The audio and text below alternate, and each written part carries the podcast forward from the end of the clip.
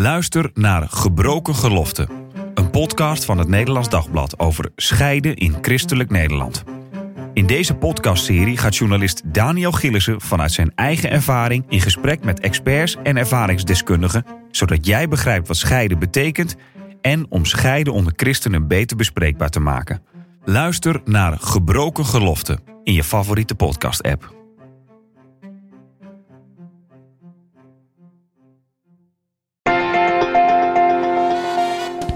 De Sekspodcast. Christenen over relaties, liefde en seks. Leuk dat je weer luistert. Mijn naam is Marien Korterink en in deze podcast praat ik wekelijks over relaties, liefde en seks. En deze week doe ik dat met seksuoloog, psycholoog en relatietherapeut Phoenix de La Vosse. Fijn dat je er bent, Phoenix. Dankjewel. Ja, jij schrijft deze week over schaamte bij een vrouw die masturbeert, stiekem. Naast het feit dat ze tussen haakjes gewoon seks heeft met haar man. Kan je nog even iets toelichten voordat we er dieper op ingaan? Ja, uh, wat aan de hand is, is dat uh, de vrouw eigenlijk niet kan stoppen met piekeren en tobben. Ze zit er heel erg mee, uh, ze voelt zich schuldig, ze schaamt zich heel erg. En het, het beheerst haar gewoon. En het, het, drukt haar stemming ook. Dus ze wordt er ook echt somber van. Ja, want wat maakt dat ze bij jou komt? Um, ze kan, ze kan haar, uh, haar vragen, haar gedachten, haar gevoelens niet delen met bekenden. Daarvoor is het veel te schaamtevol voor haar.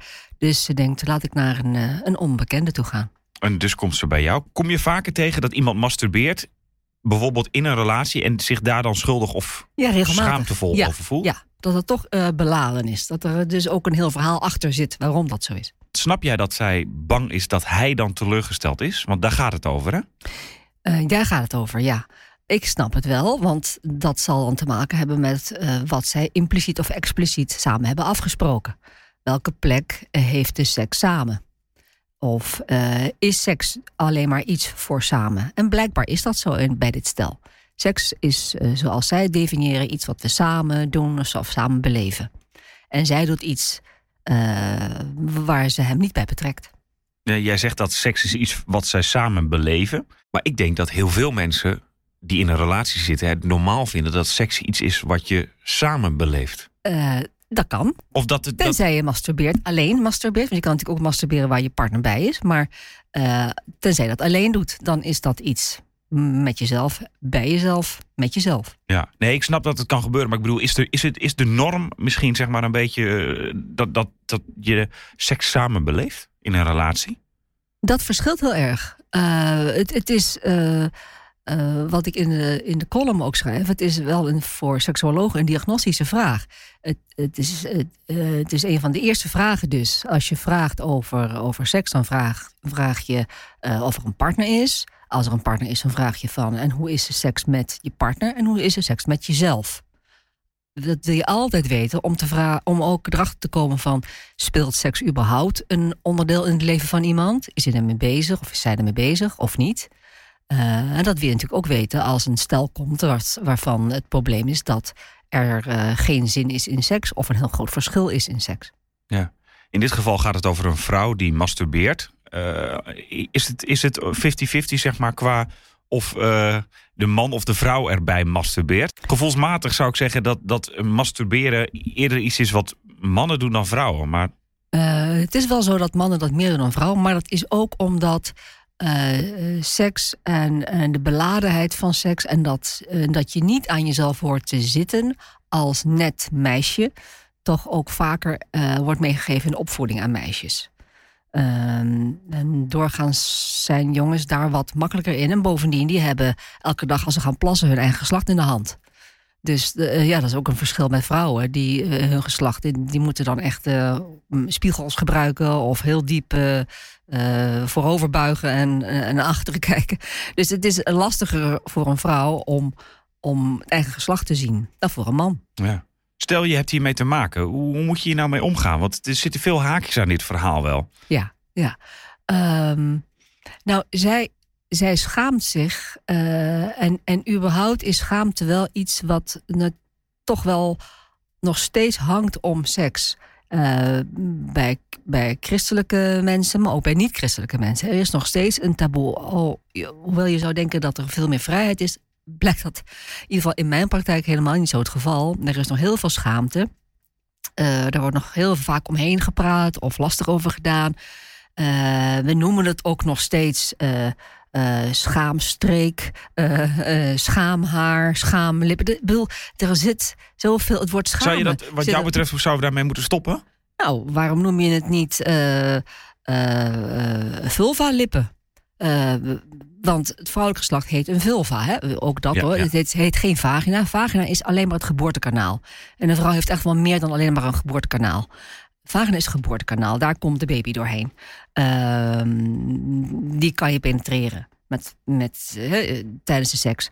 Ehm, maar het vrouwelijk geslacht heet een vulva. En je zou, naar mijn idee, ook veel beter kunnen zeggen van vulva-lippen in plaats van schaamlippen. En, uh, en ook nog een keer uh, binnenste en buitenste. En niet grote en kleine. Maar omdat ook in de praktijk grote en kleine ook nog wel eens door elkaar gaat. En vrouwen daardoor, of, of, of mannen, die idee kunnen hebben: hé, hey, dit ziet er anders uit. Hier moet geopereerd worden. Laten we het gewoon nou binnenste en buitenste noemen. En bijvoorbeeld vulva-lippen en vulva-streek. Uh, dat het woord schamen er wat af mag. Ja, want schamen, dat geeft uh, dat, dat, dat is de helft van jouw werk, bij wijze van spreken. ja, Mensen precies. die dus met dingen niet bespreekbaar maken, uh, schamen voor ja, gevoelens, ja, voor dingen. omheen draaien, niet benoemen, niet durven benoemen, niet durven vragen, niet durven doen.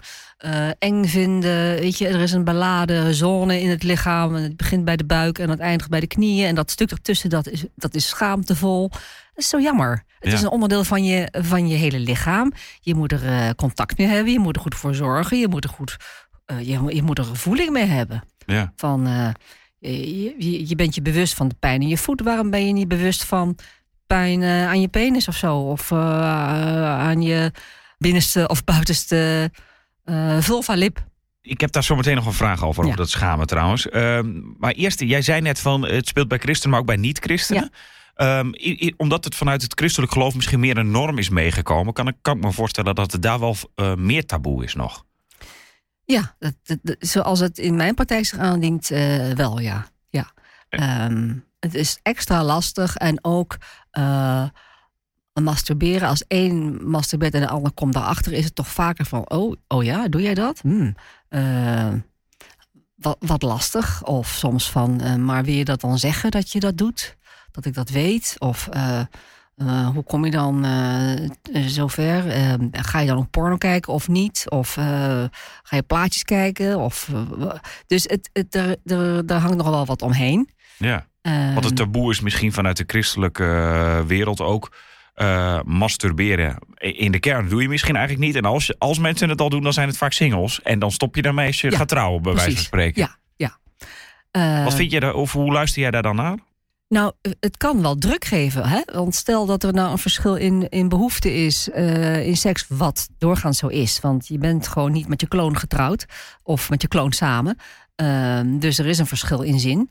Ehm, je zou je partner dus eh, iets eh, op kunnen leggen als je meer zin hebt dan je partner. Want dan moet die partner maar aan de bak. Eh, wat ik ook nog wel eens hoor van, eh, ja, maar dat is je plicht. Eh, dat hoort, dus daar hoor je klaar voor te staan. Eh, want ik heb zin. En als ik eh, dat niet doe, ja, dan gaat het niet goed met mij. De, en eh, de partner hoort gedienstig te zijn. Dus die hoort dan klaar te staan. Of klaar te liggen, in dit geval. Ja, en, en jij zegt eigenlijk, maar ja, hoor ik jou dan zeggen, corrigeer me als ik het niet goed heb, van dan kan je beter afspreken van nou, als de een vaker wil, dan inderdaad soms masturberen. Ja, je hebt ook nog handjes. Ja, en, en, en dan heb je in ieder geval niet dat iemand tegen zijn zin eh, in seks moet hebben. Precies. Want tegen je zin eh, kan dus ook leiden tot pijn. Eh, en en ja, je moet, je, en spanning. En laat, laat seks toch vooral iets ontspannend zijn en iets prettigs zijn. Dat het wel fijn is. De, en als je geen zin hebt, dan, dan is dan, ja, je, je gaat er ook niet eten tegen je zin.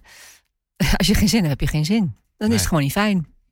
Ehm, deze casus, die eh, eh, vrouw masturbeert en eh, ja, ze schaamt zich ervoor. Ze weet niet wat ze er nou precies mee aan moet Ja. met hem. Jij zegt dan, bespreek dit. Maar hoe bespreek je dit? Ja, voor deze vrouw dus best wel lastig. Van, het is een beetje eigenlijk haast te biecht gaan. Want ze komt erachter van...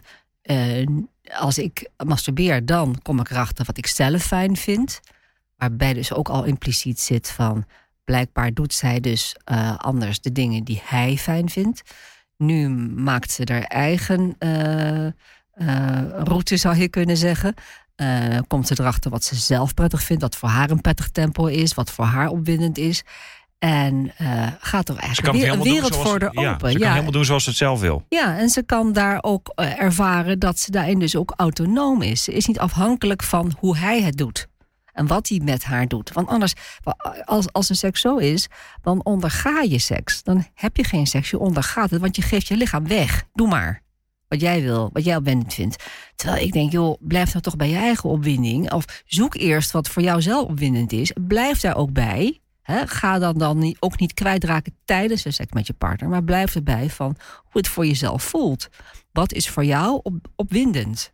Is ook wel uh, verdrietig dan misschien, of pijnlijk, uh, qua gevoelens. Als dan blijkt dat, dat je de seks met jezelf eigenlijk lekkerder vindt dan met je partner. Want dat hoor ik hier ook een beetje. Dat is toch heel, heel verdrietig? Of, of, of, neem ik het dan te zwaar? Nou, het is misschien even verdrietig. Het is een deur misschien van verdrietig, maar het kan dus uh, wel uh, je in de ruimte brengen van oké, ik ga hier wel wat mee doen. Ik weet nu wat prettig is en wat niet prettig is. En dit ga ik wel met jou uh, bespreekbaar maken. Dat, dat ga ik, hem vertellen. leren. Dat ga ik jou leren. Wat, wat, hoe, hoe het wel werkt. Nou wil zij dit natuurlijk bespreekbaar maken. Hoe ga je dat dan concreet doen? ja, het is natuurlijk wel heel afhankelijk van wat voor personen het is. Het kan zijn, eh, en hoe, hoe zij haar partner daarin kent. Is dat uh, een man die daarvan zou schrikken, of uh, in, de, in de stress schiet, of boos wordt, of stilvalt, of zich terugtrekt? Zo, sowieso denk ik, is het altijd handig om te beginnen hoe iets voor jezelf is. Dus wat zij zelf heeft ontdekt en hoe het haar heeft geholpen bij haar eigen opwinding. En dat ze dat prettig vindt of fijn vindt en dat ze hem daarbij wil betrekken. En het kan best zijn dat als hij hoort dat ze hem daar graag bij wil betrekken, nou, dat hij er open voor staat en wil kijken van, nou, wat kan ik allemaal van je leren dan? Maar dat zal niet direct na het nieuws zijn. Ik masturbeer eigenlijk heel vaak. Uh, dat, dan zal hij zich misschien afgewezen voelen en denken van ik blijkbaar doe ik iets niet goed. Ik kan me voorstellen zeg maar, dat al dat soort gevoelens bovenkomen. Ja, ja. Uh, en, uh, want ik vraag dan ook aan haar van hoe weet je dat van hem? Hoe is dat bij hem? Dat, dat, dat weet ze niet, want ze wil het ook niet bespreekbaar maken. Want dat, ja, dan zou hij kunnen vragen aan haar en, en jij dan. Nou, dat vindt ze lastig. Uh, terwijl ik, ik denk, ja, dit, is, dit heeft te maken met je binnenwereld. Je bent, je bent partners. Uh, durf je je binnenwereld voor je partner te openen? Uh, waarbij ik niet zeg dat je alles moet, hoeft te openen, naar mijn idee, voor je, voor je partner. Maar je, want je hebt natuurlijk ook een, een eigen binnentuin. Je hoeft niet al je fantasieën helemaal uit te rollen voor je partner. Maar het is wel belangrijk, denk ik, dat je als partners weet wat voor je partner uh, prettig is en onprettig is. In brede zin, hè? Wat je, wat je partner stress geeft of spanning geeft. Waar je partner naar uitkijkt, waar je partner blij van wordt. Dat je, dat je in die zin ook met elkaar kwettert. Dat je elkaar uh, in de loop van je leven houdt. In de kleine dingen en de ja. grote dingen. Maar, en ook dus in de, in de seksuele dingen.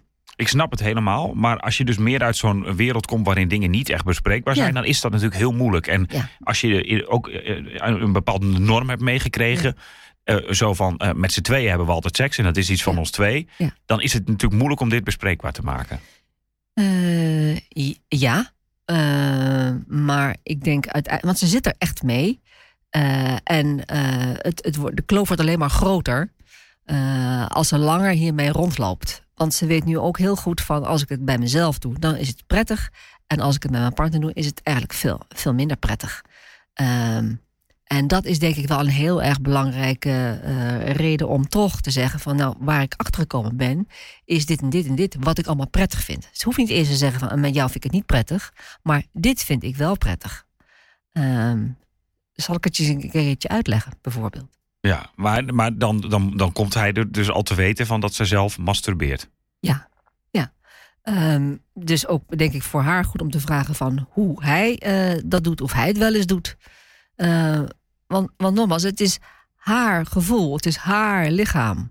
Uh, hij, het, het, haar lichaam is niet van hem, is van haar. Zij moet voor haar eigen lichaam zorgen. Hij moet voor zijn eigen lichaam zorgen. dus, en daar hoort masturberen dan bij?